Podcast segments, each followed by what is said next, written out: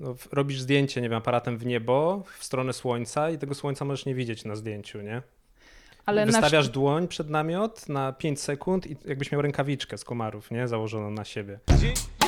Takie wyprawy to, to nie, jest, nie jest takie łatwe, także tego trzeba naprawdę chcieć. No to jest takie, no, zobowiązujesz się do tego, że się urwiesz z tego świata na te dwa miesiące i nie chcę mówić, że nie masz trochę wyjścia, ale musisz się po prostu zgodzić sam ze sobą, że Twoim jedynym celem na następnych 60 dni będzie po prostu popychanie tego kanu do przodu. Generalnie ciężko mi zrozumieć to, że jako społeczeństwo oczekujemy od siebie, że będziemy tylko jedną rzeczą. Mamy przed sobą całe życie, dlatego nie wydaje mi się, że bycie project managerem czy bycie e, kierowcą w tramwaju to jest jedyna rzecz, którą masz, możesz robić. Jest tyle czasu e, w Twoim życiu, że warto po prostu znaleźć coś, co kochasz i podróże są tym, co kochamy. Zamknij oczy i nie ma wokół Ciebie nic.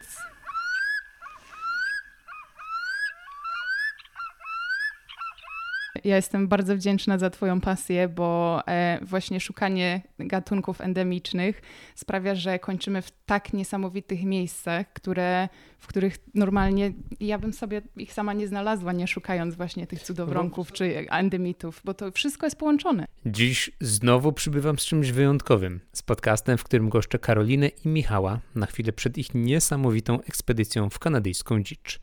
Spektakularne plany oznaczają również spektakularne portfolio podróżnicze. Rozmawiamy o ich wyprawach w zgodzie z naturą i życiu w zgodzie z sobą.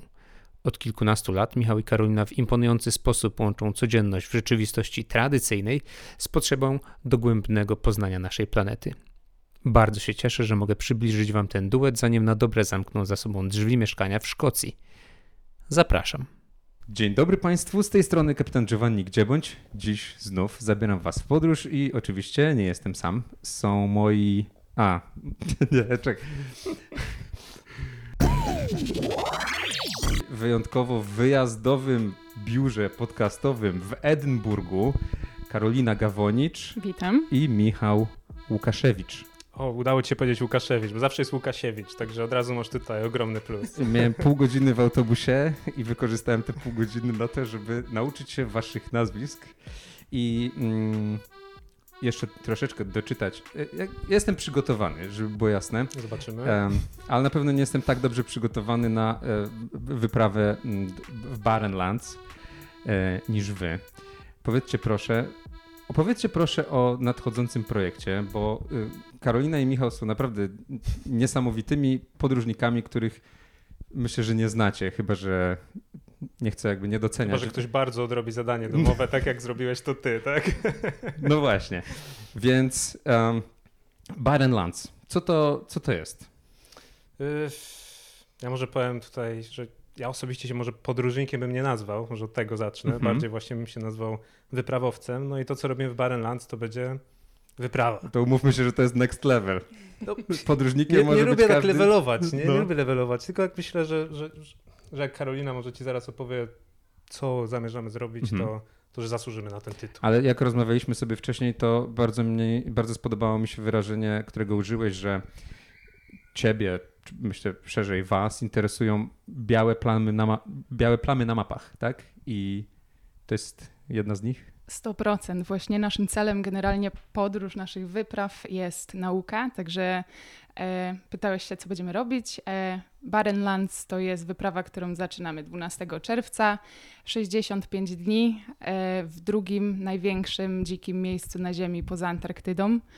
E, także zdecydowanie to jest kolejny biały punkt na, na mapie.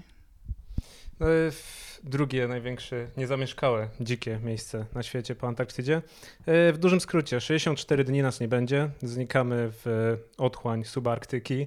E, zabieramy ze sobą 6-metrową łajbę, którą zamierzamy nazwać Waldek. Także będzie z nami Waldek na, przez najbliższe dwa miesiące. No i co przed nami? Dwa biomy przede wszystkim, no bo to jest coś takiego nie patrzymy zazwyczaj, nie skupiamy się na państwach, do których jeździmy, chodzi tutaj o różne środowiska, jakie w czasie naszych wypraw się przewijają. No i tutaj tundra i tajga, czyli ten las borealny i, i subarktyczna tundra, e, gdzie spędzimy te dwa miesiące pośród wilków, rosomaków, karibu. E, no i parę aspektów historycznych, parę takich, no jak ktoś by to nazwał, challenge, które nas spotkają po drodze. E, przyko- Sympatyzuję z tym. Coś o tym wiesz. E, I to naprawdę tak w dużym skrócie. E, no i mówię, 64 dni bez żadnych resupply points, jak to się mówi, czyli nie będzie nam nikt zrzucał paczek, nie będzie nikt nam zrzucał paczek z jedzeniami, po prostu robimy zakupy na 64 dni, jak czegoś zapomnimy, no to nie zobaczymy tego do końca sierpnia. To ja chciałbym zaraz e, przejść przez tę planowaną trasę, ale powiem wam, że jak przygotowywałem się do wyprawy, to, do wyprawy, do, przygotowywałem się do waszej wyprawy, to mówię, kim był ten Baren? Wiecie, bo te Lands, generalnie tam jak czytałem sobie Niedaleko masz Morze Barenca też, nie? Dokładnie, to... ale wiesz, jak czytałem o Grenlandii, no to tutaj jest ziemia Piriego, tutaj jest ziemia Rasmusena, tutaj jest Miliusa Eriksena i mówię, kurde, kto to jest Baren? A Baren to po prostu jałowy.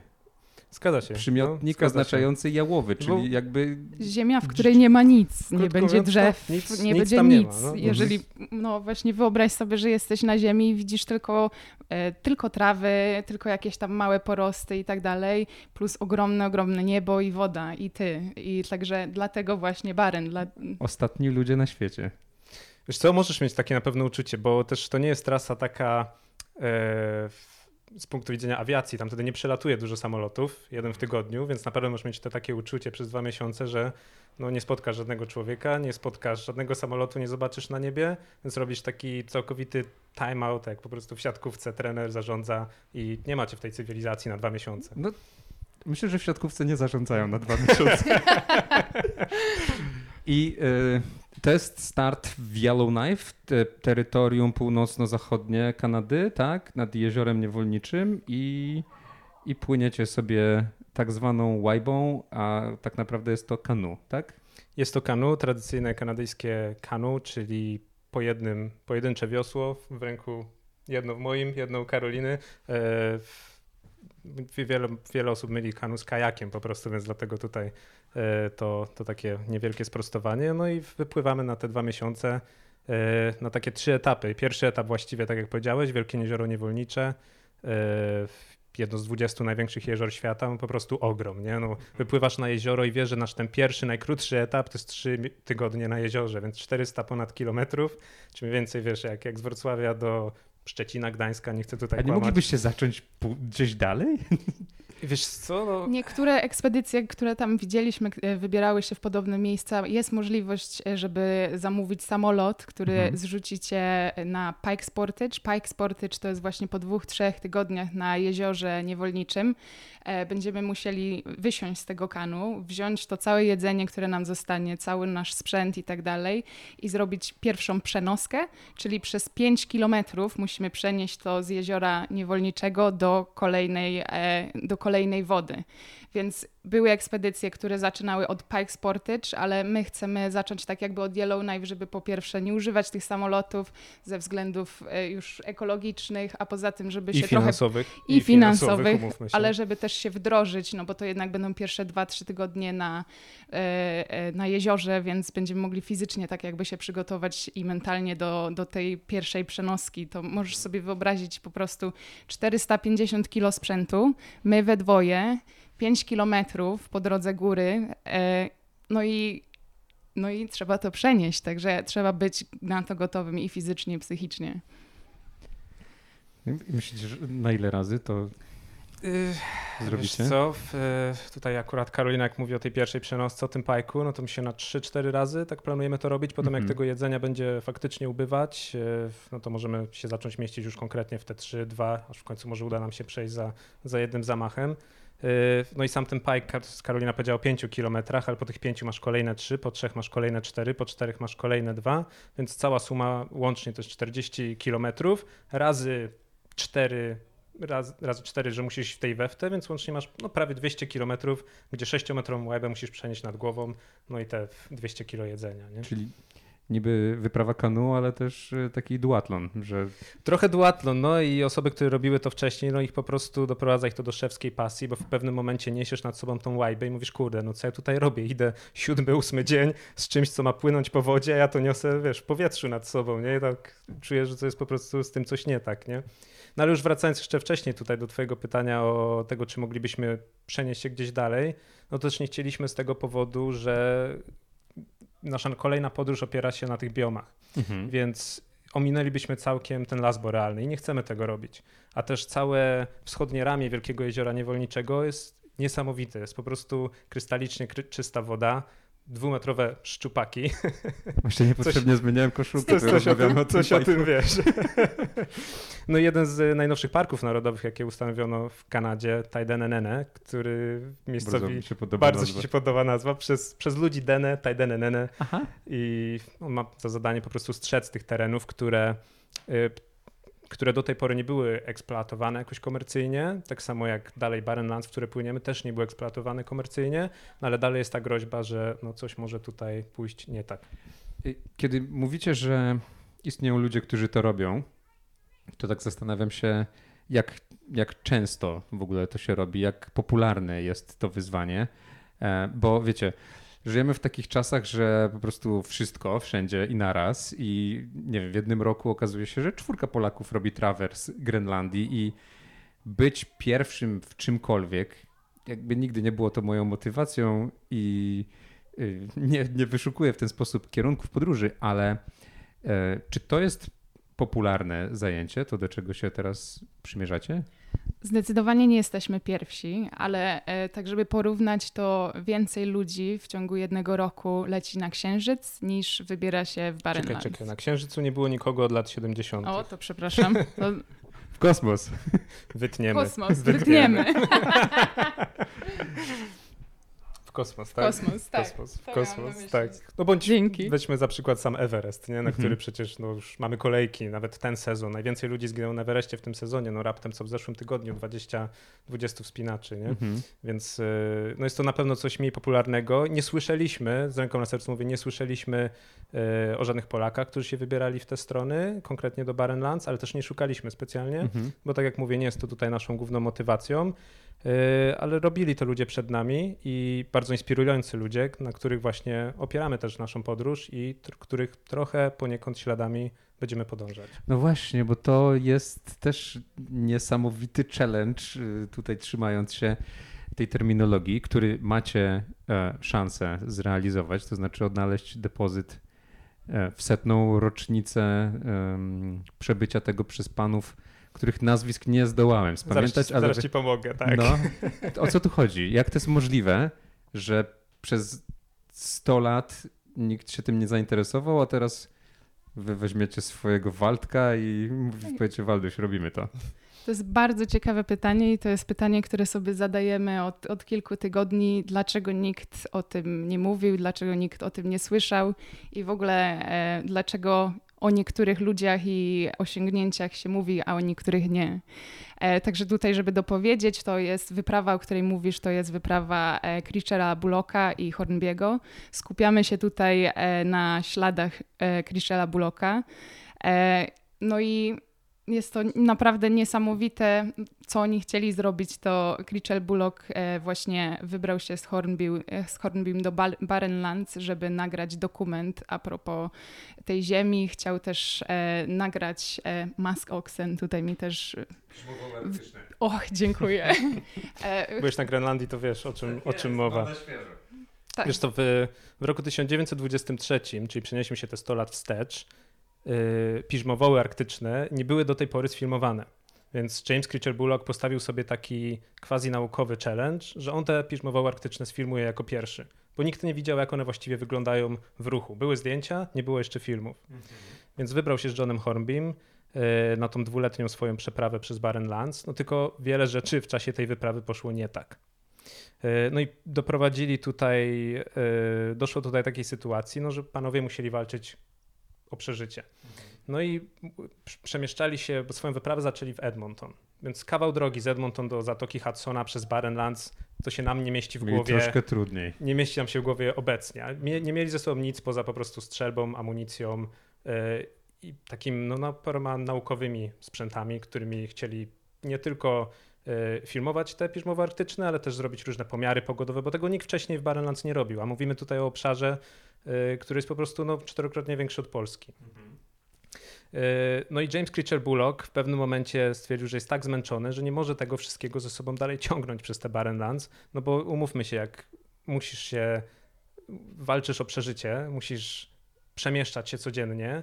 Tutaj są roztopy wokół ciebie, nie możesz już ściągnąć tego kanu, bo ani już nie masz za bardzo śniegu, po którym możesz ściągnąć te kanu, ani nie jest jeszcze rzeka wystarczająco rozmrożona, żeby móc po niej płynąć. Musisz to wszystko za sobą zostawić w pewnym momencie. No i on w połowie, w sercu tych Barrenlands, w ogóle w miejscu tak oddalonym od cywilizacji, jak tylko można być oddalonym, zostawił depozyt. Depozyt, na który składał się jego kamera, y, jego statyw, jego klisze z tamtych czasów, no i jeszcze inne te naukowe, różne tam eksponaty.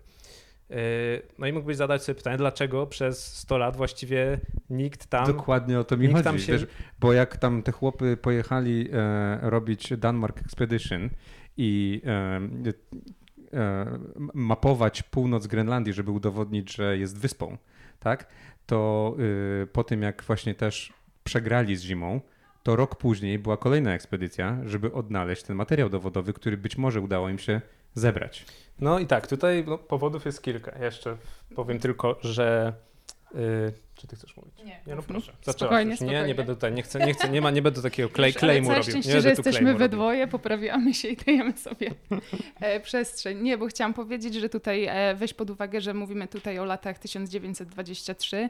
To jest tuż po wojnie, przed kolejną wojną. Wydaje mi się, że świat się wtedy nie interesował tamtymi rejonami, w których nie było nic i piżmołowami, także wydaje mi się, że politycznie po prostu było dużo więcej priorytetów niż szukanie jakichś tam filmów kogoś, kto był gdzieś i właściwie nikt nie wie. No dobra, ale no lata i... 70., 80., 90., tak, wszystkie. Dojdziemy do tego i mhm. dochodzimy już w tym już. momencie. Creature Bullock był troszkę człowiekiem zakłopotanym, to trzeba jeszcze powiedzieć i on w tym swoim e, questie szukał takiej okazji, że jeśli mu się to uda, to on może będzie znany, może zostanie naukowcem, może mu to jakoś utoruje przyszłą karierę, bo on miał te same problemy 100 lat temu, które mamy my w dzisiejszych czasach. Kłopot, borykał się, wiesz, kapitalizm, wyścig szczurów, on o tym Algorytmy, pisze. Ono, tak, poniekąd, poniekąd. To wszystko, miało wszystko swój odpowiednik w tamtych czasach. No i jego wyprawa też była wyprawą prywatną. On to zrobił z własnych pieniędzy, po prostu do, odziedziczył majątek, jeden, drugi, trzeci, wszystko niestety pewnym momencie przechlastał na te wyprawy, no jakby nie było szczytny cel. Yy, no i zostawili ten depozyt, już tutaj przewijając całą historię do przodu. I nie było wiadome, gdzie to zostało, bo on w czasie tej wyprawy pisał listy. Tylko te listy przepadły. Tych listów nikt po prostu nie odnalazł, aż do roku 2018, czyli tuż przed pandemią. I, I e, co, Karsten Ivers, tak, właśnie Karsten Ivers e, znalazł te listy i napisał książkę, to znaczy zedytował książkę na podstawie listów Critchella Bullocka. W związku z tym w tym momencie mamy książkę, w której możemy przeczytać o doświadczeniach Critchella Bullocka i w których są dokładne dane, gdzie został ten depozyt zostawiony. I to się dzieje tuż pod pandemią, także e, przed pandemią. Wiesz co, znaczy, dok dokładne co do pewnego obszaru. Nie jest tak, że on tam -hmm. napisał współrzędne, gdzie oni to zostawili, bo on nie planował nigdy, że to tam zostanie na tyle. On myślał, że po to wróci.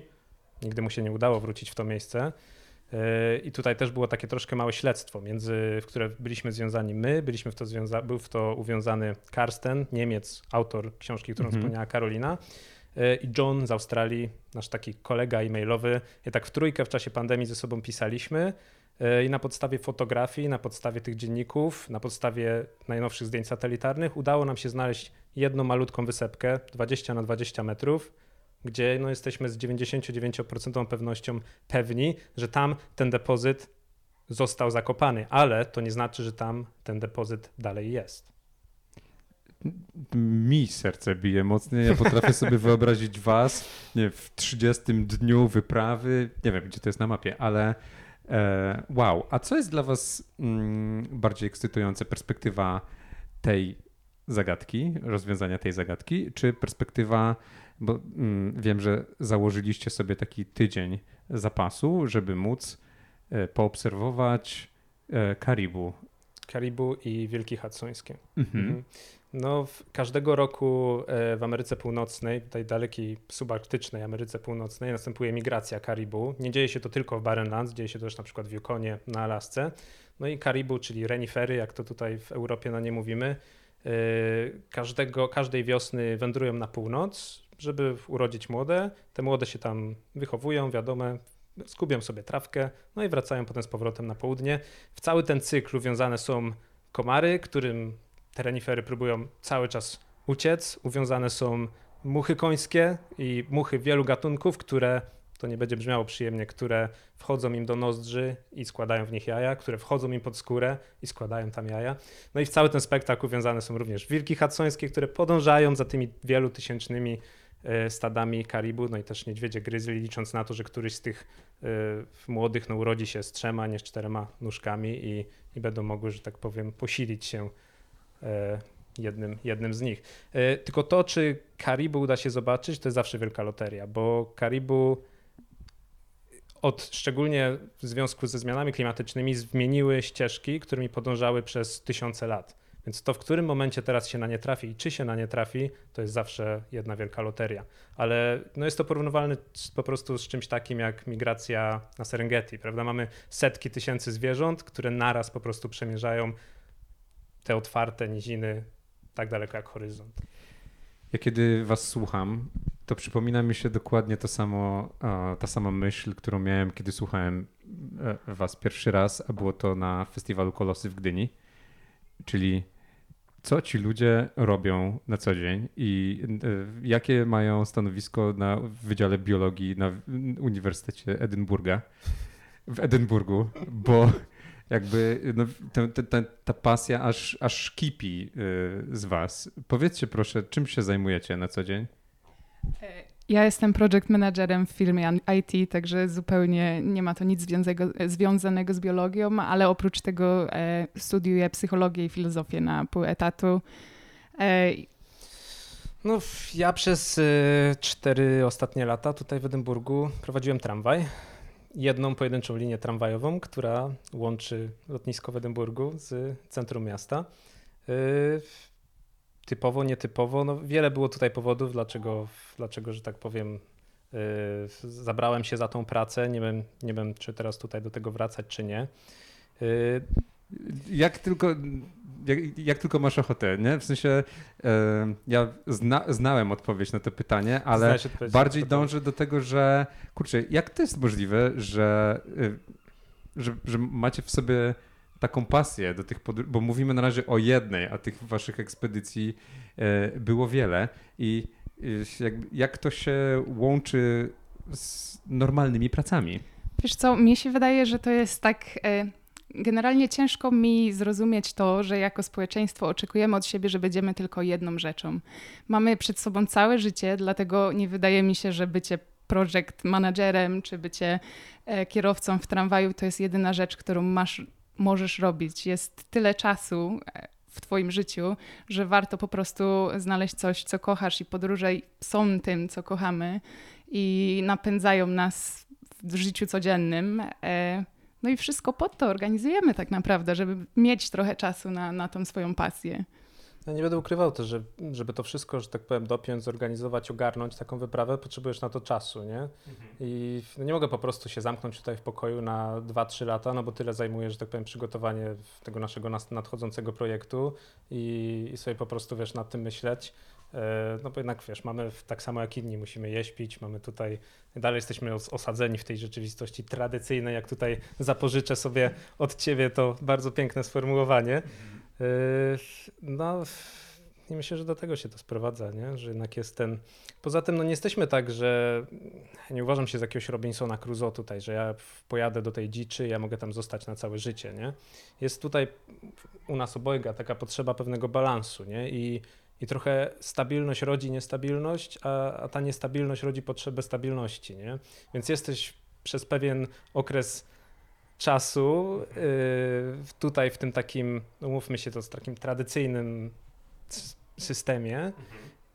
I sprawia ci to radość, bo cieszy cię to, że wracasz do tego samego łóżka wieczorem, cieszy cię to, że na koniec miesiąca wpada wypłata na konto. I się ta kubka usypuje, którą tak, później można... ale w pewnym momencie zaczyna tutaj rosnąć coraz bardziej ta potrzeba niestabilności, no i musisz po prostu zrobić ten krok, żeby przerodzić tą pasję, że tak powiem, w rzeczywistość. Mhm. No i nie robimy tego po raz pierwszy, więc myślę, że jest to u nas taki cykl, który no, przez najbliższe lata, jak nie całe życie, może się będzie po prostu powtarzał. A to jest tak, że pracujecie, pracujecie, pracujecie, zwalniacie się z pracy i później szukacie sobie nowego zajęcia, czy na przykład bierzecie urlop y, nie, niepłatny na pół roku, rok? Jak to działało do tej pory? E, do tej pory zwalniamy się i potem będziemy szukać nowego zajęcia, tylko w sumie nawet o tym jeszcze nie myślimy, szczerze mówiąc, bo w tym momencie zwolniliśmy się z pracy, za tydzień wyruszamy i to, co będziemy chcieli robić po kolejnej ekspedycji, to pokaże tak naprawdę czas i zobaczymy, czego będziemy potrzebować. Wiesz, ja nigdy nie planowałem prowadzić tramwaju, nie? To nie było moje marzenie z dzieciństwa, mnie nawet nie interesowały pociągi ani Czyli tory, nie jak o byłem mały. lata? Nie, nie, nie ma to nic wspólnego tutaj z, z Cezarym Żakiem i z Arturem Barcisiem, nie, nie, nic, Ale nic z tych rzeczy. sobie radzisz z popkulturą, Michał, bo... Ja, e, ja trochę utknąłem w tych, ja trochę utknąłem w tych czasach, wiesz o co chodzi. Michał mówi do mnie, ty, e, rok temu się dowiedziałem, że istnieje taki człowiek jak Dawid Podsiadło. Rok czy tydzień, czy miesiąc? Rok, rok, nie przesadzajmy, także w zeszłym roku koleżanka w Polsce mi właśnie podsunęła muzykę Dawida i mówię, nie wiem, brzmi spoko, ale nie słyszałem wcześniej o tym typie, nie, więc... Myślałeś, że od Lady Punk i kombi nie było nic. Że nie było nic, tak? Baim i, i wiesz, Manam, te sprawy. Zresztą akurat uwielbiam Manam, także nie miej mi za złe. Spoko. E, W każdym razie nie planowałem nigdy, wiesz, być kierowcą tramwaju, ale to jest też coś, co się narodziło w czasie podróży.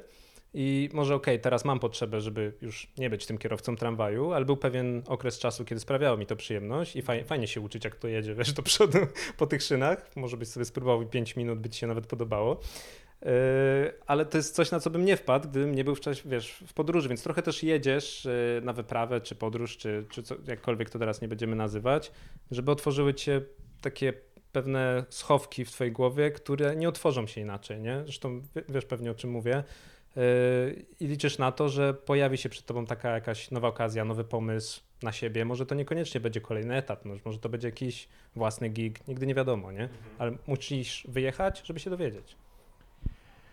To chciałbym, żebyśmy jeszcze domknęli tę waszą ekspedycję. W- Spływacie do Zatoki Hudsona, czy gdzie ona się kończy? Kończymy w Baker Lake. Kończymy w Baker Lake. Baker Lake to jest yy, jedyna społeczność. piekacz- piekarza. Tak, tak, dokładnie. Nie, o tym nie pomyślałam, żeby przetłumaczyć, ale tak. Kończymy, no, ale wiesz, wielkie jezioro niewolnicze, nie ma problemu, tłumaczmy wszyscy, a jezioro piekarza, no dla, trzeba też reprezentować te... Nie, Baker Lake y, to jest taki nasz way out z tych y, Barren Lands, y, bo jest tam lotnisko. Jest to jedyne społeczeństw, y, jedyna społeczność Inuitów, która nie jest położona bezpośrednio nad słoną wodą, tak to nazwijmy, nad słonym akwenem, czy Zatoką Hudsona, czy Oceanem Arktycznym, no bo są tam schowani wewnątrz 200 km w głąb lądu.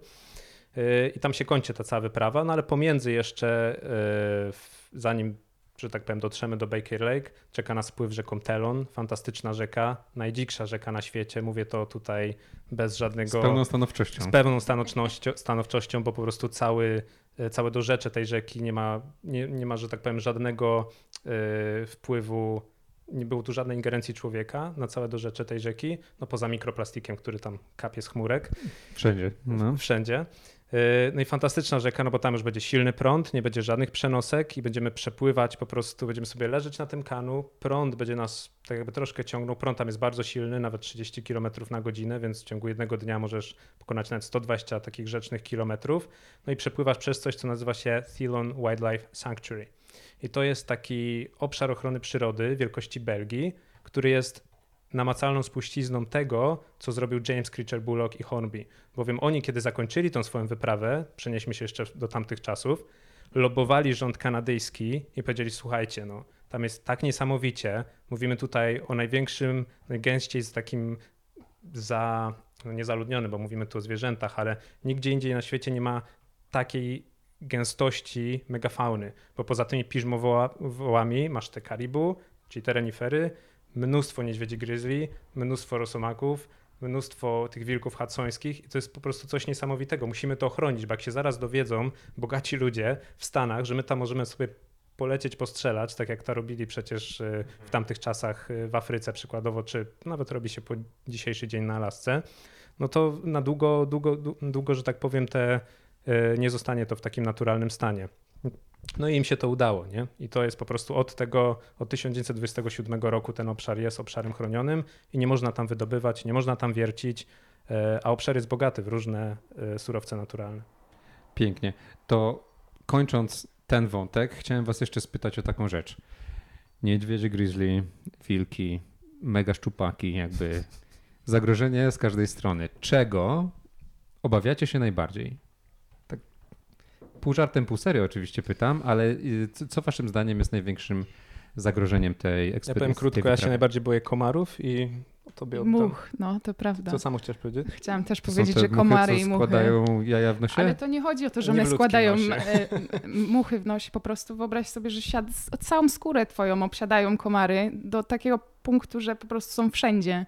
To jest niewyobrażalne naprawdę, bo jest byliśmy tak. już kiedyś w Kanadzie, spływaliśmy rzekę Mackenzie, Najdłuższa rzeka w Kanadzie. e, więc mieliśmy doświadczenie z komarami e, już wcześniej, a no, w Barrenlands ma być ich jeszcze więcej. Macie więc... jakiś y, patent na to? Wiesz co, bo to nie jest tyle komarów, jak jedziesz na jezioro nad Mazury i mówisz, o kurde, ale ciachają dzisiaj, nie? To, to zupełnie nie jest tak. To jest po prostu taka ilość, że no, robisz zdjęcie, nie wiem, aparatem w niebo, w stronę słońca i tego słońca możesz nie widzieć na zdjęciu, nie? Ale Wystawiasz dłoń przed namiot na 5 sekund i jakbyś miał rękawiczkę z komarów, nie? Założoną na siebie. Więc Mamy patent. Mamy patent. Jaka jest, naj, y, jaka jest twoim zdaniem najgorszy problem taki ludzki, kiedy jesteś w dziczy i jest bardzo dużo komarów i kiedy jesteś Tak najbardziej... po ludzku tak pomyślałem. Tak po no. ludzku pomyśl, tak najbardziej na tą naturę, tak... Nie. Z czym miałbyś problem, nie? Z korzystaniem z toalety. Tak, więc w tym celu zakupiliśmy malutki namiot, z którego wycięliśmy e, podłogę z tego namiotu, e, żeby móc się załatwiać e, w Aha. spokoju. Ale to jest taki, może trochę żarto, żartobliwe, nie żartobliwe, to właściwie z No to doświadczenia jest mega pragmatyczne. No. e, na Mega Mackenzie. pragmatyczny. Ale na, Tylko wiesz co, nie jest łatwo znaleźć producenta takich małych namiotów, więc mamy taki namiocik dziecięcy z Frozen, nie? Więc tam jest naprawdę, jest, Naprawdę. jest, jest na nim taki bałwan z jednej strony, z drugiej jest księżniczka Elsa bodajże.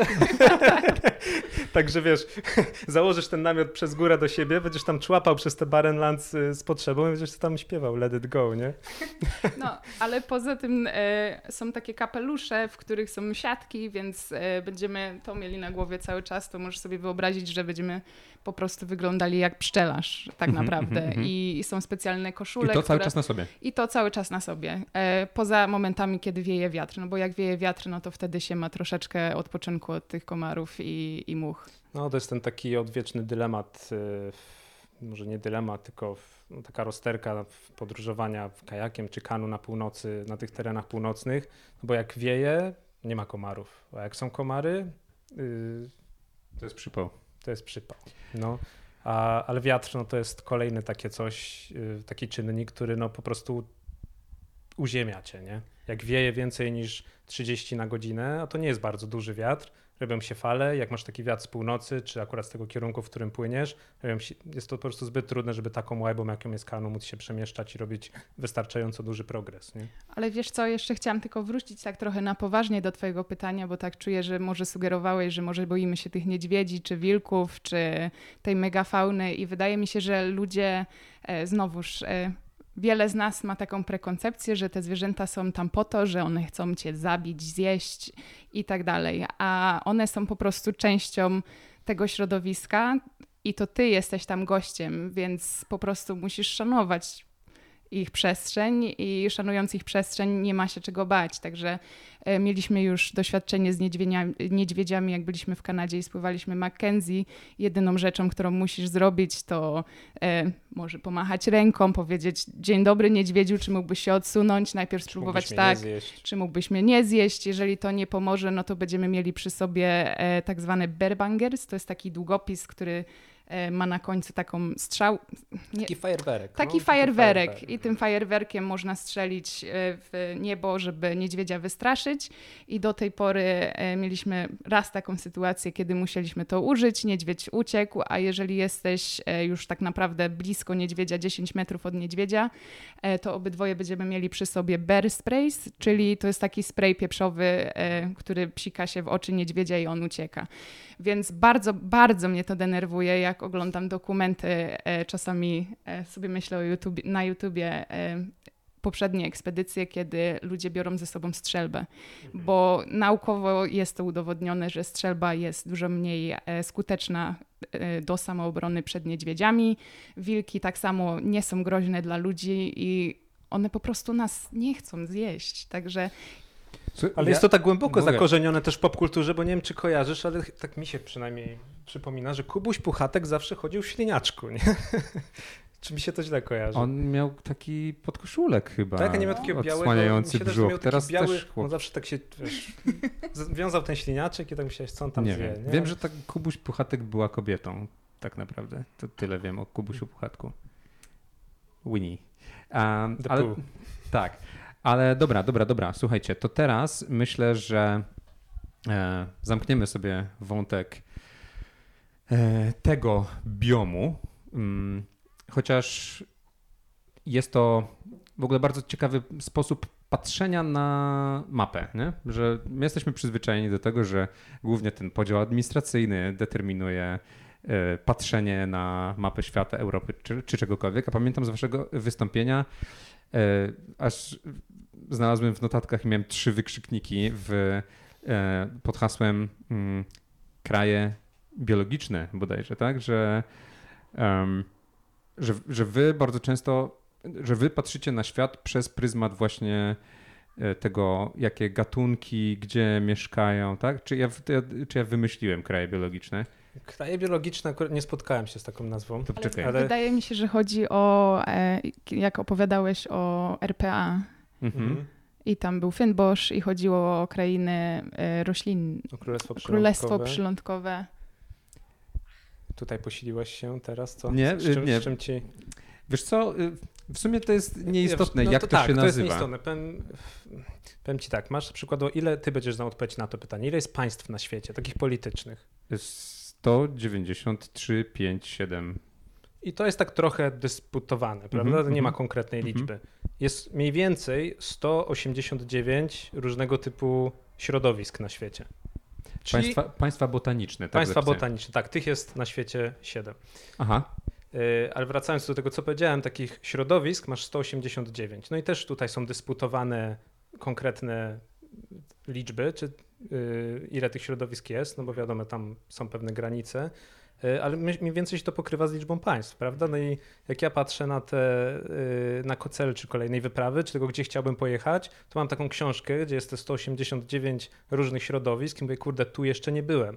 I wtedy wiem, że to, co tam zobaczę, będzie z punktu widzenia przyrody unikatowe. Okej. I to w, to w ilu mm, państwach, Środowiska. w ilu środowiskach byliście?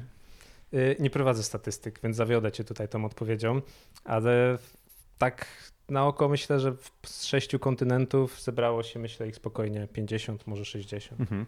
E, To okej, tych, sta- tych statystyk nie prowadzisz, ale chciałbym porozmawiać o innym projekcie, Mhm.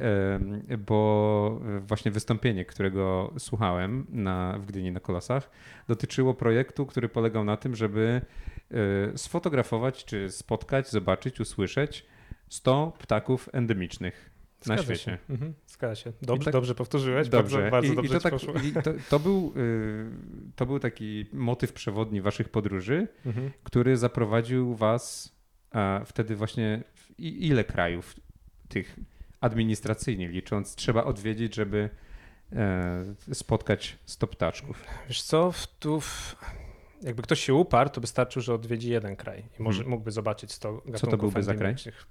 Przykładowo Kolumbia, Indonezja, Mhm. Brazylia. To jest możliwe i taki po prostu zapalony birdwatcher mógłby to po prostu zrobić nawet w tydzień. Mhm. Yy, Tutaj chodziło o to, ja w czasie pandemii miałem taką refleksję nad swoimi zdjęciami, oglądałem co tam, wiesz, gdzie byliśmy, co zrobiliśmy. No i tak zacząłem sobie wtedy to klasyfikować, yy, żeby wiedzieć, co, co już zobaczyliśmy, a czego nie. No i tam wyszło, że troszkę jeszcze do tej setki brakuje w tych gatunków endemicznych, a pierwsze z naszych wypraw takich, które no, śmiem nazywać wyprawami, były właśnie pod kątem ptaków. Yy, no i to wszystko doprowadziło do tego, że jeszcze musieliśmy odbyć dwie, dwa takie wyjazdy, żeby do tych 100 gatunków tutaj dojechać. Nie? No jednym z nich była właśnie podróż do Kolumbii, e, która no po pandemii, no to była też po prostu taki, wiesz, pierwszy wyjazd gdziekolwiek chyba wszyscy to przeżyliśmy, nie? To był taki boom, jakbyś na nowo po prostu się narodził.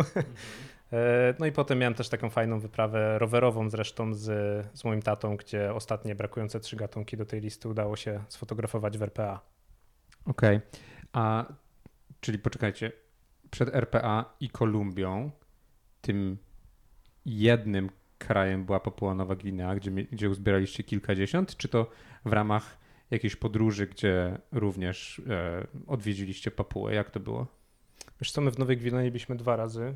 Tak, wyda wydaje może? mi się, że pierwszy raz to był ten start właściwie naszej listy. Mhm. E, I tam e, oglądaliśmy Birds of Paradise i teraz tutaj Cudowronki znowu... po Cudowronki po prostu. Cudowronki? Cudowronki, tak. No Wiesz co, musimy zrobić takie rozróżnienie, bo też e, żeby od ptaków jestem głównie ja tutaj. Nie? I ptaki to jest taka no, moja obsesja. Oboje po prostu uwielbiamy przebywać w naturze, uwielbiamy dzikie środowiska, uwielbiamy ten, ale no mówię, mamy troszkę inne podejście do tego i dla Karolina zawsze patrzy całościowo na, na, na to, co widzi przed sobą, na, na całe środowisko i po prostu tutaj sprawia ogromną radość.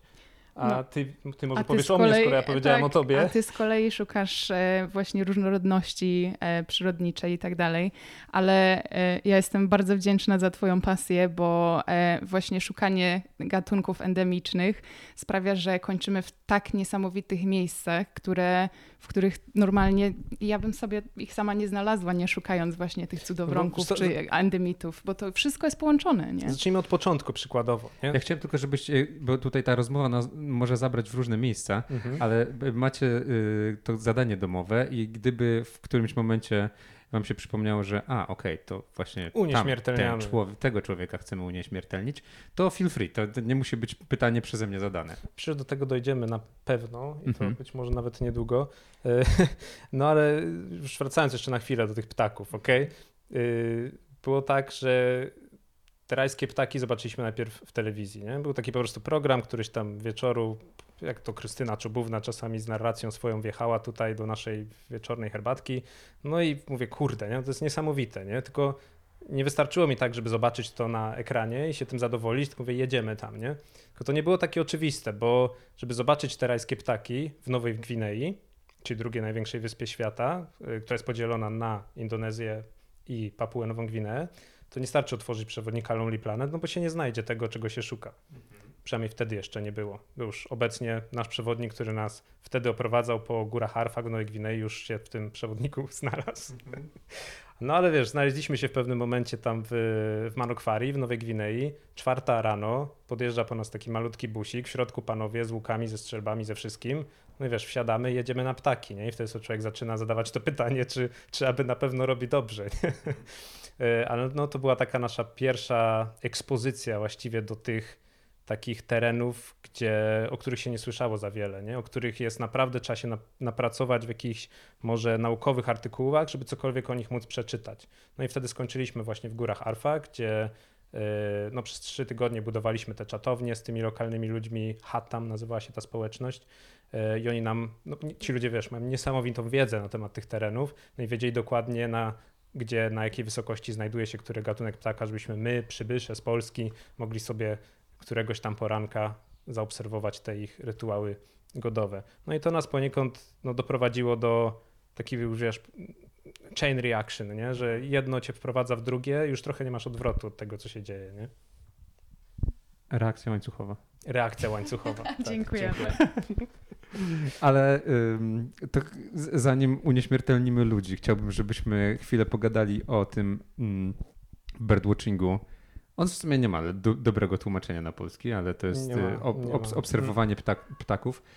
Ja do pewnego momentu myślałem, że żeby mm, obserwować ptaki, to trzeba mieć emeryturę i wnuki, nie? Że to, to nie jest zadanie dla ludzi, którzy mają około 30 lat. Nie pytam.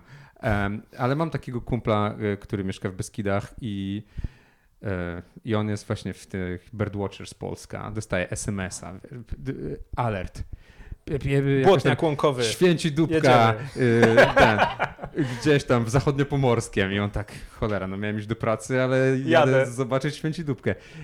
I, I to jest rewelacyjna pasja też mi to tłumaczył, bo widzieliśmy się niedawno, byliśmy na wyjeździe na Suwalszczyźnie i właśnie siedzimy o tam, mówię, też jakiegoś błotniaka słyszy.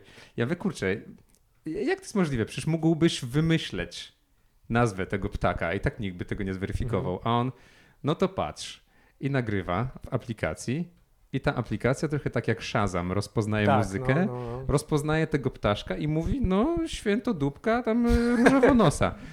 I mówi, wiesz, no to tak jak ludzie rozpoznają y, silniki samochodów po dźwięku, Mhm. albo jak ja odróżniam Dawida Podsiadło od y, Taco Hemingwaya. No po prostu brzmią inaczej. E, przepraszam, musiałem to wtrącić. A teraz, e, gdybyście mogli unieśmiertelnić po jednym ptaszku. Po jednym ptaszku. Tak. Uch, ja bym na pewno... w- Chcesz pierwsza, czy ja mam pierwsza? Ja się tak podekscytowałam, Tak? że chyba muszę pierwsza, bo tutaj e, jest lun, to jest właściwie zdjęcie. Nur, Po polsku. nur. Po polsku nur, po angielsku lun. Którego niech nie daj Boże ktoś mówi, że to jest kaczka, bo To to, mi się wtedy serce kaczka. kraja. Mhm. Po prostu e, to jest zdjęcie zrobione w Mackenzie, e, na Mackenzie, jak płynęliśmy właśnie w Kanadzie. E, I tutaj jest zdjęcie, ale za tym zdjęciem idzie taki niesamowity dźwięk, który po prostu echo takie uhuhu. To robi coś takiego w człowieku, jak to się słyszy, naprawdę niesamowite, także nie mogę się doczekać, żeby usłyszeć nury Myślę, jeszcze żeby to raz. było takie w pełni audio doświadczenie, to bym chyba, jak dasz mi sek- 30 sekund, to ja ci ten, możemy to tutaj odpalić. nie? Dobrze, nie wiem, czy super, jest... byłoby super. Ale to nie jest tak, że nur jest y, dość powszechnym ptakiem? On jest dość powszechnym e, ptakiem, jest nawet narodowym nury... ptakiem Kanady. nie? narodowym ptakiem Kanady i można też nury zobaczyć w Szkocji. To jest tylko Mhm. trochę inny podgatunek. E, także tutaj już Michał ma. Mm. Nie, Nie? to nie to.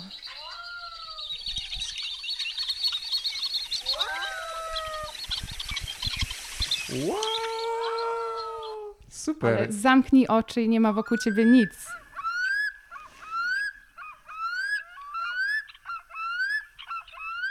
To też był nur?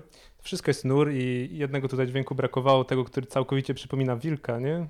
Tak, właśnie będąc w Kanadzie w dziczy, jak słyszy się nura, to, to brzmi jak nawołujący wilk czasami. Mhm. I jesteś w tym kanu, nie ma nikogo wokół ciebie, tylko niebieskie niebo, woda, drzewa.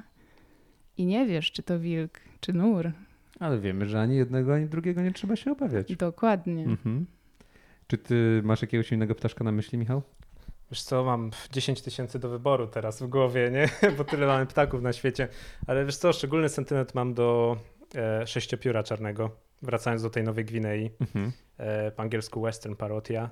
E, niesamowity tancerz, mówi się niego balerina. Niektórzy może kojarzą, niektórzy może nie kojarzą po prostu z tych takich filmów przyrodniczych, no ale przylatuje ci taki czarny ptaszysko przed tą twoją czatownię. Niesamowity pedant. Musi Mhm. wyzbierać wszystkie liście na terenie tam swoim, wiesz, 2 na 2 metry. No i wszystko robi po to, żeby no, paniom się spodobało. No i wszystko musi wysprzątać. No i czeka, nie? Czeka na tej gałęzi. Przylatuje jedna, druga, trzecia. On się tam na dole ustawia. No i jak już widzi, że wiesz, jest cała tam publika zebrana nad nim, to zaczyna swój spektakl, nie? I ma tam bodajże 6 czy 7 ruchów. Najpierw taką, wiesz, sukienkę sobie ro- rozpościera, potem sobie tak, wiesz, troszkę jazzuje na boki. Pokaz taneczny. Ta- Tak, potem sześć piór, które ma na głowie, nad każdym indywidualna kontrola. Wyobraź sobie, to jest jak ośmiornica właściwie, nie? No, Aha. mamy dwie ręce i czasami mamy problem. No i tutaj on sobie, wiesz, tymi sześcioma piórami steruje. No i na koniec, tutaj na swoim popiersiu ma taką, taką figurę jakby nieskończoności, tak to trochę wygląda. Bardzo kolorową, takie troszkę rybie łuski kolorowe w Aha. kolorze tęczy. Y, Odbijają się, wiesz, w zależności od kątu padania światła, ta iryzacja, tak się nazywa to zjawisko, powoduje, że te, te kolory się cały czas zmieniają. No i on nagle robi tak, zastyga cały po tym swoim tańcu i tą piersią tylko robi szu, szu, szu. I z naszej perspektywy to nie wygląda jak nic wielkiego, ale one jak z góry patrzą, to wiedzą o co chodzi. Na tej Mhm. podstawie zdecydują, czy będzie z tego kolejne pokolenie, czy nie Czy z będzie. tej mąki będzie chleb? Dokładnie. na, na jeziorze piekarza ale czy, ale czy to, to, to pewnie na, Nowej, na Gwinei, w tak? Nowej Gwinei, tak. W Nowej Gwinei. To jest taki odjazd, że po prostu, no tak to się wszystko No dobra, zaczęło. ale i taki, em, taki ptaszek, on nie ma problemu z tym, że też ludzie też patrzą, czy Wy jesteście tak y, skitrani, że nie ma szans. Tak, schowani, że nie ma szans, tak. więc żeby oglądać takie ptaki, to zdarzało się, że wstawaliśmy o drugiej w nocy i szliśmy do specjalnie wybudowanej czatowni, która jest tak schowana liściami i, i chrustem, że, że po prostu nie ma szans, żeby nas zobaczyć. Mhm. Wchodzisz do tej czatowni po jakimś trekkingu, powiedzmy o trzeciej, trzeciej trzydzieści i czekasz i nie możesz się ruszyć wcale Mhm. i ptak przylatuje powiedzmy dopiero o piątej, także Albo celujesz przylatuje. albo nie przylatuje. Mhm. Celujesz, żeby tam być mniej więcej godzinę, półtora godziny przed tym, kiedy on zazwyczaj e, tańczy No dla i on tańczy partnerek. w tym jednym konkretnym Tak. miejscu? Tak, to się nazywa lek. Są, w Polsce też mamy gatunki lekujące Aha. i on jest właśnie jednym z gatunków lekujących, czyli ma swoje terytorium, zawsze do niego wraca, no Mhm. i tam wywija, wiesz, no praktycznie codziennie, no i musi to cały czas przetrenowywać, nie? Ekstra. Ekstra. No i tych, mówię, gatunków jest trochę więcej, nie? Przykładowo też w- ci, którzy podróżują dużo, kojarzą taki rajski archipelag w Indonezji, Raja Ampat. Tam wszyscy chcą lecieć, są, wiesz, niesamowite plaże, niesamowite nurkowanie. A my tam trafiliśmy na początku tylko ze względu na ptaki i przez przypadek patrzymy, mówię, kurde, jakie fajne plaże, nie? A my tu przyjechaliśmy jakiegoś małpożera patrzeć. Akurat małpożer jest konkretnie gatunkiem orła, trzeciego największego orła na świecie. Nie wiem skąd wziąłeś teraz tego również, małpożera, tak, ale na mieliśmy osobną wyprawę miesięczną na Filipiny w poszukiwaniu małpożera. Naprawdę? Ale naprawdę. Em, wziąłem go z fanpage'a Anima Mundi. A, okej, rozumiem. Tak? Masz, tak. masz to. Tak, tak, dobrze powiedziałeś. Ale to słuchajcie, co, jakby co się stało, bo mm, wy jesteście y, naprawdę super interesującymi ludźmi i ciekawie opowiadacie i jesteście mega inspirujący. A w ogóle można śledzić wasze przygody w internecie, czy jak to jest? Bo projek- był projekt Anima Mundi. Ja jeszcze w mojej tutaj działalności mm, detektywistycznej dotarłem też do y, bloga Sztuka Podróżowania. To było lata temu. W ogóle miałem cię o to zapytać, czy ty wiesz, jak takie rzeczy usunąć z sieci? Nie, nie mam pojęcia. Już jak raz, jak raz zgubisz hasło, to już po tobie. No nie, wiem, nie wiem. No, Myślę, że jest to Bo możliwe. człowiek na tyle ewoluuje też, Mhm. że już potem się nie zgadza z tym, co kiedyś napisał. Nie zgadza się z tym, co wiesz, co, co się działo w przyszłości. Już Ja nie ma, że tak powiem, Znam odwrotu. przypadek blogerki, która postanowiła zniknąć i nie ma po niej śladu w internecie i w sumie nie wiadomo, co się z nią dzieje, ale są pomysły. Może ją spotkamy w Barenlands. nie?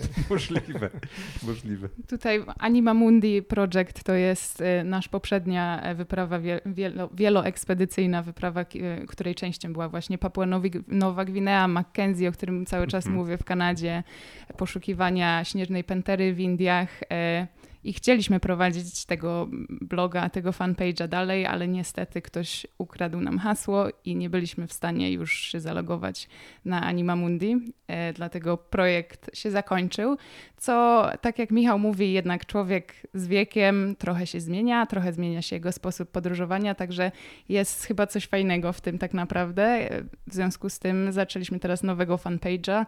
Przecież tam nic nie ma. Bardzo fajna nazwa. No, ale tak mówię, nie mamy trochę może szczęścia do mediów społecznościowych, czy może też właśnie tak za bardzo nie, się z nimi nie lubimy wzajemnie. Nie wiem, jaki tutaj jest tego powód. Może za dużo, że tak powiem, już też nazw stworzyliśmy i, Mhm. i, i powinniśmy się trzymać po prostu, wiesz, jakiejś jednej, ale jak coś na początku nie wyszło, to mówisz, na pewno chodziło o nazwę.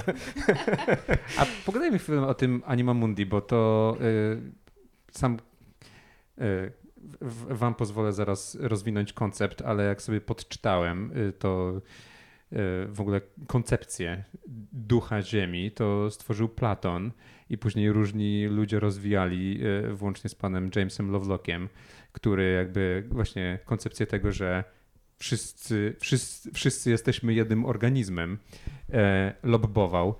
E, Czy to jest e, taka też myśl właśnie bliska waszemu sercu?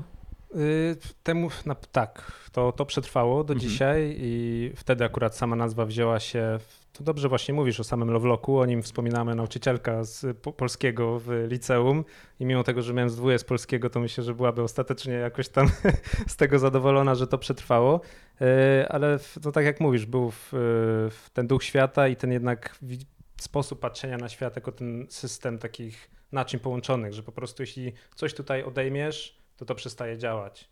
I i cały czas próbujemy sobie stworzyć taki pewien wizerunek tej układanki. No i widzisz, ile tutaj jest takich puzli, które zostają przełożone w złe miejsca, ile jest takich puzli, które po prostu nie pasują w ogóle do tej układanki. No i w, mówię, jest tutaj może dużo metafor w tym, co mówię, no ale zawsze ta działalność człowieka jeszcze tutaj się wkracza, która, yy, która po prostu powoduje, że chcemy jeździć do tych miejsc, które no, w pewien sposób nie są jeszcze tak namacalnie tą ingerencją człowieka zmienione.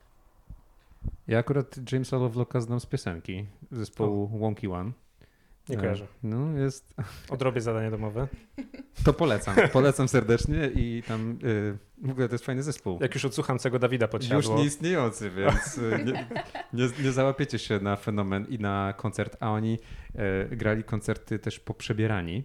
To była taka formacja, yy, że na przykład wokalista y, to miał ksywę paprodziad E, a członkowie zespołu grający, no to na przykład jeden był przebrany za jeża, drugi za zająca, trzeci za konika polnego, ale nazywał się Poń Kolny i grali taką... Chyba, chyba, coś teraz kojarzy, wiesz, bo mój ojciec jest strasznym audiofilem, chyba mm -hmm. mi kiedyś pokazywał teledysk, nie? Także... No i oni też grali fantastyczny koncert na Woodstocku i chyba właśnie supportowali wtedy Prodigy, więc mieli gigantyczną publikę i dali lepszy koncert niż Prodigy. Mogę coś tam przekręcać. W każdym razie mm, była taka piosenka, że ja jestem James, James, James Lovelock, gorący jak jądro, lekki jak obłok i, i tak dalej, i tak dalej. Ale właśnie tam też to hasło, że wszyscy jesteśmy jednym organizmem. To co, może kogoś unieśmiertelnimy, korzystając z tego, że pojawiły się y, osoby ludzkie w, tym, w tej opowieści? Co, ja może taki background tylko zrobię do tego unieśmiertelniania. Mhm. W czasie projektu Anima Mundi, o którym teraz wspomniałeś, takim naszym oczkiem w głowie była ekspedycja do Papui Nowej Gwinei, gdzie przez... Tak, czułem, że będzie Papua. Będzie Papuas, tak. I przez dwa miesiące trawersowaliśmy wtedy góry Bluchera w Papui Nowej Gwinei i no mówię, był to pierwszy tego rodzaju trawers w historii, z tego co wtedy to było dla nas ważne. Wtedy to było dla nas Czekaj, ważne. Momencik. Pierwszy w historii trawers gór. Bluchera. I wy sobie po prostu tak wsiadłeś, wysiadłeś z tramwaju i zrobiłeś trawers Bluchera? Nie, znowu mówimy tutaj 2-3 lata researchu, siedzenia nad mhm. mapami, ustalania kto gdzie był, czytania wiesz o jakichś wyprawach y, które odbyły się po II wojnie światowej e, przez Kiapów, czyli takich poruczników australijskich, których Australia tam zrezydowała e, po wojnie. No i udało nam się ustalić taki obszar po prostu w Papui Nowej Gwinei, do którego jeszcze nikt nie dotarł, ale gdzie mówię nikt nie dotarł, no oczywiście dotarli tam miejscowi, którzy tam żyją. Oczywiście mówimy tutaj o tym europejskim takim e, podejściu do, do, do wypraw, do tych, do odkrywania takich miejsc. No i mówię, dwa miesiące spędziliśmy w, w tych górach Bluchera, no i poznaliśmy tam dwójkę no, całkowicie niesamowitych ludzi, którzy no, zmienili nasz sposób spojrzenia na świat i myślę, że oni również ich sposób widzenia świata zmienił się dzięki nam. I całe szczęście, że jesteśmy we dwoje. W związku z tym mam nadzieję, że możemy unieśmiertelnić dwójkę ludzi, bo będzie tym. A i to oni będą razem? Tak. Można e... tak zrobić. Możemy. Zezwalasz. Zezwalasz. Całe szczęście. E, więc był to Rambo i Kevin. Wiesz co, ja może powiem najpierw, bo Kevin był pierwszy chronologicznie. Kevin był pierwszy. Kevin był pierwszy chronologicznie. Więc my nie mieliśmy żadnych kontaktów na miejscu w Nowej Gwinei, no bo zwyczajnie nie jesteś w stanie tego mie mieć, jak lecisz do Papui Nowej Gwinei e, w tą część kraju, do której udaliśmy się my. E, więc my, kiedy wysiedliśmy, naszym takim pierwszym zadaniem, które sobie ustaliliśmy, że musimy znaleźć człowieka, który będzie naszym tłumaczem. Nie? Tłumaczem z języka pidgin, czyli tej takiej odmiany, takiej wywodzącej się z angielskiego, na język ten miejscowy. A tych języków w Nowej Gwinei jest no, ponad 700, nie? To jest język, język pidginowy, a nie gołębia. Tak, tak, Aha, tak, tak, bardzo... tak. Dobrze. dobrze, dobrze prawisz. No i my, jak wysiedliśmy z lotniska w Tabubil, w, w sercu gór gwiezdnych w Papui Nowej Gwinei, przyszedł tam na to lotnisko koleś. No i on przyszedł na to lotnisko, żeby odebrać gazetę, która codziennie przylatuje z Port Moresby ze stolicy, no taki codziennik. No i chciał sobie wziąć tą gazetę no i wrócić z nią po prostu do domu poczytać. No okazało się, że, że, że, nie wróci do domu z gazetą, tylko że spędzi z nami najbliższe dwa miesiące. No ale wszystko jest tutaj bardzo długą historią. W każdym bądź razie zabrał nas na lokalny targ. My tam zrobiliśmy taki troszkę casting na, na naszego nadchodzącego tłumacza, tylko nikt z ludzi, których tam spotkaliśmy, nie mówił tak dobrze po angielsku jak Kevin. I my mieliśmy po prostu całym sercem czuliśmy, że chcemy, żeby ten człowiek udał się z nami na tą wyprawę. Y, I on ostatecznie, kiedy dowiedział się, co, co my zamierzamy zrobić, sam zdecydował, że chce dołączyć do nas. No i spędziliśmy ze sobą te całe dwa miesiące i no, zżyliśmy się ze sobą niesamowicie, nie? No bo mówimy tutaj o, o gotowaniu razem posiłków w dżungli, o spaniu w hamaku, o przeprawianiu się przez rzeki, o dochodzenie do wiosek, których, o których istnieniu on nawet, nawet nie wiedział, a z, którymi, z których mieszkańcami był w stanie się dzięki yy, znajomości lokalnego języka dogadać. No i zawdzięczamy mu niesamowicie dużo po prostu w czasie tej wyprawy. Yy, dużo więcej niż można byłoby to po prostu przekuć w jakiekolwiek materialne, że tak powiem, kwestie.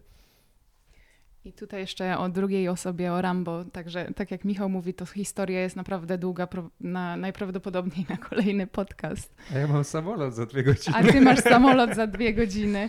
Także Rambo spotkaliśmy, to był drugi dzień naszej ekspedycji i Rambo po prostu pojawił się znikąd. E, I Wybiegł z domu. Wybiegł z domu, bez butów, w podkoszulku, w krótkich spodenkach i nas zobaczył i po prostu zaczął z nami iść. Z ciekawości. Z ciekawości. Na początku... To bo wiesz, jak się jedzie, leci się... W którym momencie dołączył? W którym momencie wyprawy? To już Bar bardzo, drugi dzień. Drugi dzień, aha, na, aha. bardzo na początku, bo mieszkał tak całkiem na, na obrzeżach, nie? No i e, Rambo jeszcze miał właśnie taki naszyjnik z zębów e, dzikiej świni, także w ogóle był niesamowity. Na początku zupełnie nie mówił po angielsku, ale podobnie jak Kevin zdecydował, że, że będzie z nami przez cały ten czas. Zaprzyjaźniliśmy się naprawdę e, mocno i zaczął mówić po angielsku, a dlatego ja chcę unieśmiertelnić Rambo, bo Rambo uratował mi życie.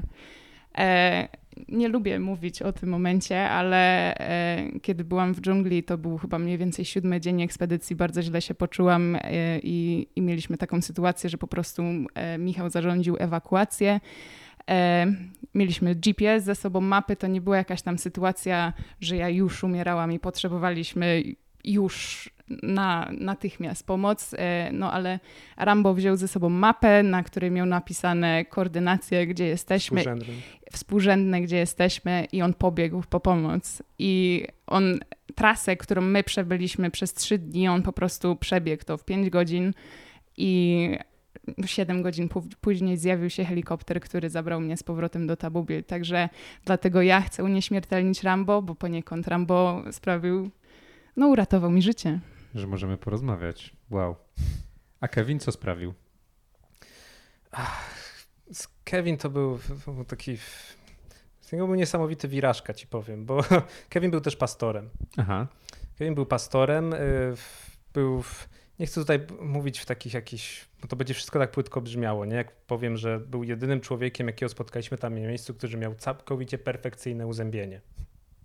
Ale to nie jest powód, dla którego chcę go unieśmiertelnić, prawda?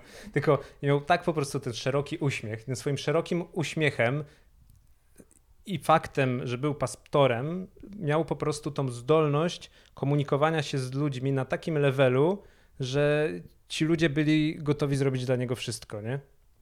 Do tego stopnia, że yy, wpadaliśmy w ośmiu, zjawialiśmy się w jakiejś wiosce, no i yy, on po prostu mówił, że potrzebujemy jakiegoś jedzenia, a to nie było takie oczywiste. No i ludzie po prostu byli, był w stanie ich przekonać, że poszli od razu do tych ogrodów i zebrali dla nas taro, żeby zebrali dla nas ananasa, żeby zebrali dla nas, wiesz, trochę szczypiorku i był w stanie się z nimi tak dogadać, żebyśmy po prostu nie chcę powiedzieć, żebyśmy nie chodzili głodni, bo byliśmy w stanie sobie, że tak powiem, sami sobie z tym poradzić i, i tak straci, ja, ja w czasie dwóch miesięcy straciłem 15 kilo w Papui Nowej Gwinei, ale był w stanie po prostu tak ze wszystkimi, wszystkich zjednoczyć wokół siebie, żebyśmy wszyscy się byli w stanie i dogadać, żeby nikomu nie brakowało jedzenia, żeby był takim troszkę, nie chcę powiedzieć menadżerem tutaj, ale radził sobie z ludźmi, wydawać fixer, to, to, taki tro, trochę mm fixer, no, -hmm, trochę, -hmm. trochę fixer, no. Ale też chyba nie, nie o to chodzi, no jakby no fixer to jest, to jest zajęcie, tak? To jest mm. zadanie e, w projekcie, nie wiem, filmowym, reporterskim, cokolwiek, ale, e, no ale rozumiem, że powód, dla którego on tak dotknął twojego serca e, wynika z tego, że że co, że był właśnie jakiś taki nieprzystający do tej rzeczywistości, czy... Wiesz co, on był, był bardzo elastyczny, był w Mhm. stanie bardzo dużo przyswoić, był bardzo głodny wiedzy, którą my tak jakby przywieźliśmy jemu Mhm. y, do niego, bo w takie rzeczy jak na przykład, jak, że, że owoce mają witaminy. No i tłumaczysz, jakie owoce mają jakie witaminy. On się dzięki temu bardzo dużo dowiedział i on był to w stanie wszystko przekazać wszystkim mieszkańcom wiosek, które mijaliśmy po drodze. Nie? Czy inna sytuacja, trafiliśmy do wioski, gdzie okazało się, że przyleciał tam helikopter z Chin i oni zaoferowali ludziom dosłownie równowartość 200 zł, żeby oni przenieśli całą wioskę daleko, żeby mogli wydobywać gaz, nie? 200 zł. Tak. Żeby wszyscy się przesiedlili, nie? Mhm. No i my powiedzieliśmy, słuchaj, przywiedź tu, przyjdź tutaj z, z szefem tej, z tej społeczności. Przyszła cała społeczność, wszyscy się zebrali, przyszedł Kevin. No i on tak jakby był, dzięki temu, że był tym naszym tłumaczem, no to tłumaczy mu, powiedz tym ludziom tak, że oni się przeniosą tą wioskę, ale że tak, że chcą szkołę, że chcą nowy kościół, że chcą, wiesz, po prostu dużo więcej jakichś zabezpieczeń, które nie rozpłyną się jedno, wiesz, w, w danej chwili, tylko będą im służyły przez, przez jakiś dłuższy czas. No wiadomo, można po, przede wszystkim najpierw zgłosić przeciw, żeby nie było tego wydobycia tam, ale to tak nie działa z tymi chińskimi firmami, które, które już dostają koncesję od rządu papułaskiego, żeby wydobywać w danym regionie. Tylko, że tam jest bardzo, yy, co też jest specyficzne dla Papui Nowej Gwinei, te prawo tam obowiązujące nie jest w stanie, że tak powiem, rząd Papui Nowej Gwinei narzucić danej społeczności, że dana ziemia ma być oddana. Zawsze ostateczne słowo należy do tych, do których należy ziemia. Także Kevin był w stanie to wszystko e, ludziom przekazać, no i był bardzo głodny tej wiedzy. No i też to jest jedna z niewielu osób, e, nie chcę go nazywać rdzennym mieszkańcem, ale bo tutaj można się bardzo niefajnie zakołapućkać po polsku, a, a nie chcę, żebym tutaj negatywnie jakoś e, odebrany w, w żadnym sensie. A, Ale widzisz, zmierzałem do puenty. a masz tą puentę? Czy ja mam to puentę? Czy- Czy że taką miałem puentę? Ty czasami wiesz, jaką Zgubiłeś puentę. No ale nie wiem, żeby tak skończyć o Kevinie, to tak naprawdę on po prostu był niesamowitym człowiekiem i A. Wróciło do mnie. Że jeden z niewielu ludzi, z którymi ja mam kontakt po dzień dzisiejszy, taki regularny, że ja mu wysyłam, załóżmy selfie z pracy, że jestem w tramwaju, a Mhm. on mi wyśle selfie tam z Papui Nowej Gwinei, co jest u niego, nie? Wtedy Mhm. wiesz, że masz z kimś taki kontakt, który wykracza dużo ponad tą taką znajomość, która się odbywa tylko na czas danego projektu, na czas Tam po i prostu wtedy. tam i wtedy, no, Mhm. która po prostu wykracza dalej. No i byliśmy przed pandemią też umówieni na to, że wrócimy do nich y, w którymś, to miał być rok 2020, chyba szósty czy siódmy. Być może się uda nam z tego wywiązać. No wiadomo, dużo się w życiu dzieje, ale no jakoś pracujemy razem na to. Mieliśmy, zaoferowaliśmy mu też, że w każdej chwili, jak nam powie, to my go sprowadzimy czy do Polski, czy tutaj, żebyśmy, nie, nie na stałe, nie? Oczywiście, tylko żeby pokazać mu, jak tutaj to wszystko funkcjonuje, nie? Bo on jest całkowicie zafascynowany po prostu tym, jak wygląda ta dla niego alternatywna rzeczywistość. No bo dla nas to, co działo się w Nowej Gwinei, było taką alternatywną rzeczywistością, nowym sposobem myślenia, otwieraniem tych nowych szufladek. No i to działa vice versa, nie? Jeśli taką osobę tutaj przywieziesz, no to to też będzie dla niego taki eye-opener, nie? No ale to y, ja już rozumiem o co chodzi, bo wy byliście po prostu y, alternatywnymi wersjami siebie trochę, nie? Że właśnie ta ciekawość innego, takie trochę antypody, ale ludzkie. Wiesz co, ja to zawsze najlepiej określam mianem, że byliśmy dla siebie wzajemnymi nauczycielami Mhm. i że każdy z tej relacji wyniósł bardzo dużo wiedzy. I, A Mhm. wiedza jest też jednym z takich no, bardzo ważnych punktów w podróży dla mnie. Żeby jedziesz po to, żeby się czegoś nauczyć o tym świecie, żeby przywieźć jakąś historię, żeby y, z tego jak najwięcej wynieść i to działa też w tą samą stronę w stosunku do ludzi, z którymi przebywamy, ben, przebywamy będąc w podróży bo oni Mhm. też się uczą od nas, nie? Uczą się, może nie, nie zawsze ma to miejsce w przypadku typowej, masowej turystyki, no bo wtedy wiadomo, to się wszystko opiera na dolarach, ale w przypadku takich naprawdę prawdziwych relacji międzyludzkich można się nawzajem od siebie bardzo dużo nauczyć.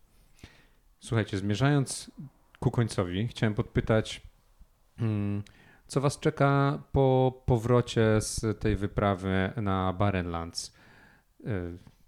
Wracacie i będziecie leżeć na kanapie i wspominać, jak to było w kanu, czy Absolutnie nie.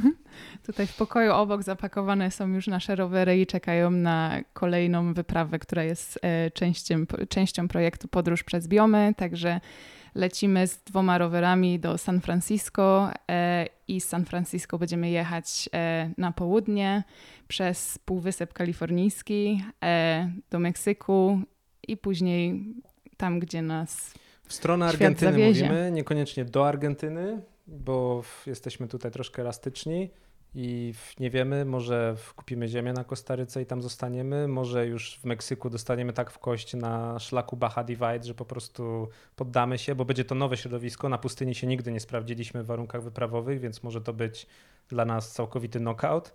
No, w- a może, nie wiem, dojedziemy do Ushuai na ten koniec świata i, że tak powiem, w takiej romantycznej wersji oddamy rowery i, i zabierzemy się na Antarktydę. Gdzie ciężko kupić ziemię. nie No bo się. Antarktyda nie należy do nikogo. Y, y, Spoglądam na telefon, żeby jeszcze się upewnić, czy wszystko, co, o co chciałem was spytać, już przegadaliśmy. E, Bo dostałem też powiadomienie, e, notyfikację z telefonu, Że zaraz odlatujesz. że, że zaraz odlatuje i że, y, i że mm, nie jest to przesunięte, przesunięte w czasie. E, Chciałem tylko jeszcze o, o tę Kanadę w sumie, bo jak podróżuje się mając 450 kg bagażu? 450 łącznie z naszymi ciałkami. Okej, Bo to jest y, 453 kg dokładnie. To jest ładowność kanu łącznie z masą samego kanu. I na to się składa 75 kg mnie, 65 kg Karoliny. Y, I, I tutaj mamy pozostałe mniej więcej 300 kilo, także 100 kilo e, bagażu mamy ze sobą. To jest w raz, dwa, trzy, w sześciu bagażach, trzy nadawane, po dwa podręczne. I tutaj jest, e, to jest głównie sprzęt do kręcenia, e, namioty, trochę takiego specjalistycznego jedzenia, którego nie da się kupić w zwykłym markecie. E, I jak będziemy zaczynać, to w Yellowknife mamy trzy dni na zakupy, także tam kupujemy kanu, e, bear spraye i kupujecie jedzenie. kanu. Tak. Kupujemy kanu, no. Okej, Y, bo myślałem, że zabieracie ze sobą. Wiesz co, z tego co mi wiadomo, to poza kanadyjskimi liniami, no to chyba kanu nikt na pokład samolotu nie, nie zezwala, żeby nawet Mhm. za opłatą wziąć, a to jest prawie 7, 7 metrów Bo- długości. Przepraszam, bo y, wydawało mi się, że gdzieś robiąc śledztwo widziałem takie kanu, które e, Składane oleje. ma, macie i tutaj Tak, testowaliście tu, jest przedpokoju, tu jest No, przedpokoju, no. no. tu jest przedpokoju. Faktycznie jest coś takiego.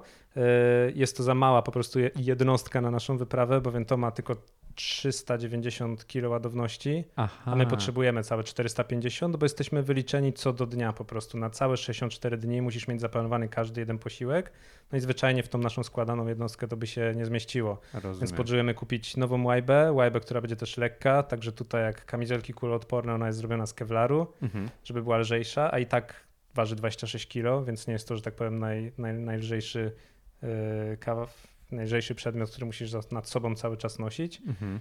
Yy, No i niestety to jest trochę one way ticket z tym, z tym naszym kanu, no bo w, nie jesteśmy w stanie dopływając do Baker Lake zabrać go ze sobą, więc Mhm. będzie to sprezentowane któremuś z mieszkańców. Okej, fajnie. E, wspomniałaś o sprzęcie do kręcenia i to też y, jest w sumie bardzo interesujące, bo y, to na Facebooku można zobaczyć na zdjęciu w tle, że macie partnerów tej wyprawy. Jednym z nich jest Gdynia, a drugi właśnie poprosił, żebyście, żebyście wyprodukowali wideo, tak? Dobrze rozumiem? Tak, Kim jest ten drugi partner? Naszym drugim partnerem jest Royal Geographical Society. Dostaliśmy nagrodę Neville'a Schulmana e, właśnie dlatego, żeby nakręcić film z Barren Lands i żeby pokazać to, jakie ważne są te ziemie i dlaczego warto je ochraniać, jak one się zmieniły.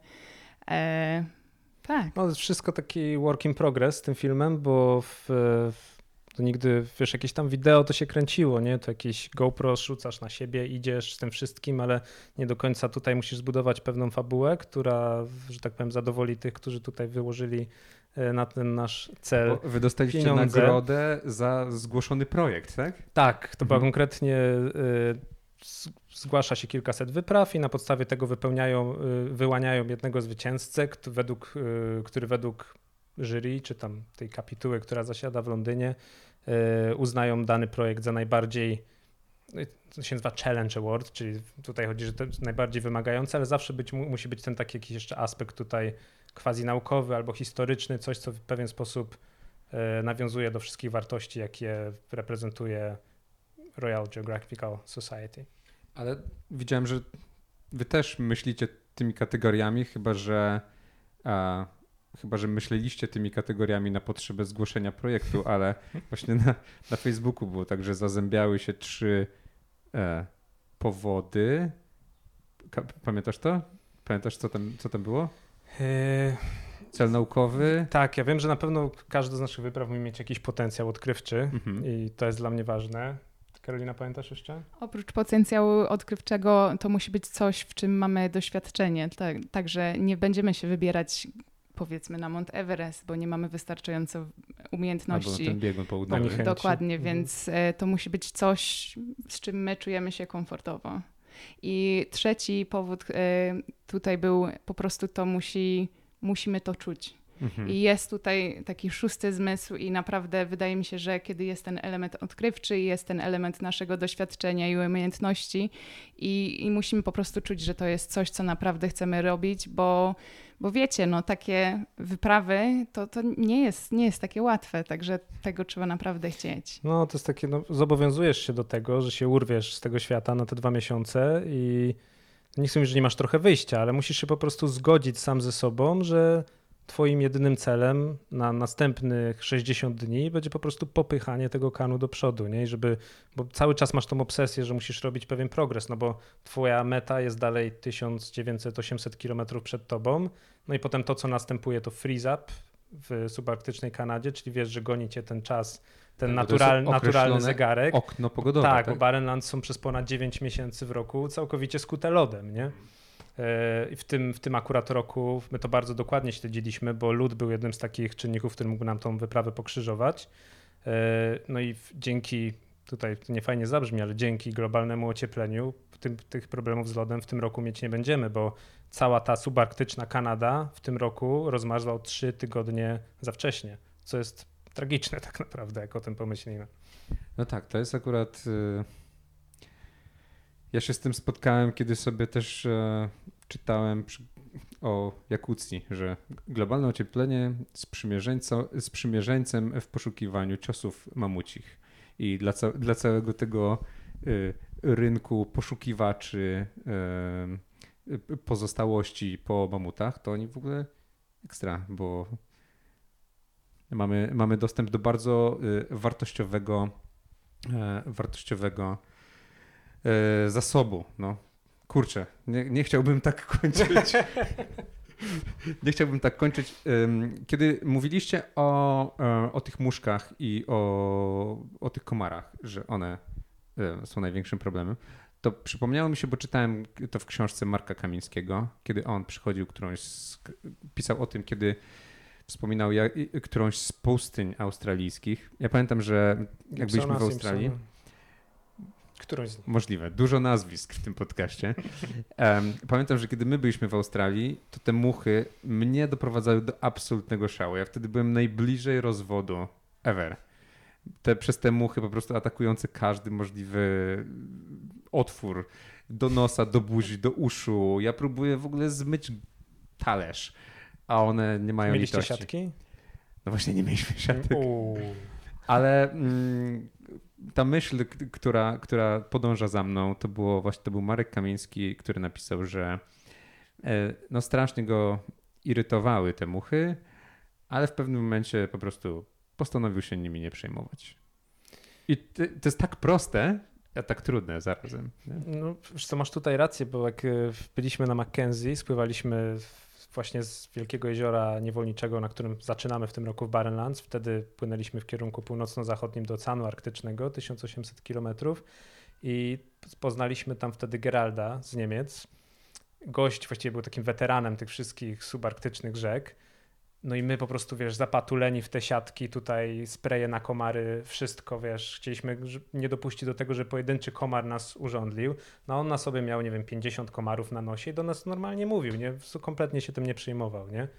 I, I on też akurat wspominał o tym, co wcześniej powiedziałeś o tych kościach mamucich, bo o, jemu, może taka ciekawostka tutaj jest, jemu się udało znaleźć jedną z takich kości mamuci właśnie na Alasce. Yy, I to jest też ciekawe, że tej kości mamucie nie można wywieźć z tej Alaski, ale można ją na Alasce sprzedać. Co jest właśnie, tak jak mówisz, bardzo takim lukratywnym biznesem teraz dla ludzi i, i tego, tego oczekują. No ale tak jak mówisz, jest e, dużo takich trudności, których myślę, że jak właśnie przestaniemy się, przestaniemy się nimi przejmować, tym łatwiej będzie nam je przeżyć i sprostać. No i mamy to już. W ten sposób możemy zakończyć. Słuchajcie, e, tego Wam życzę z całego serca, żebyście e, stali się jednością z tymi biomami i, e, i żeby Wam tam było dobrze po prostu. Dziękujemy. Dzięki za rozmowę. Dzięki za rozmowę. Był to 16 odcinek audycji podróżniczej Świat i ludzie. Przecież tam nic nie ma. Podróż przez biomy. Gdzie bądź? Yo. Być może, kiedy tego słuchasz, Karolina i Michał odbywają podróż przez kanadyjskie biomy. Polecam ich śledzić, bo to mega ziomy. Dziękuję za uwagę i do następnego. A, no i myślę, że po serii rozmów pora na serię gdzie bądźowych przygód.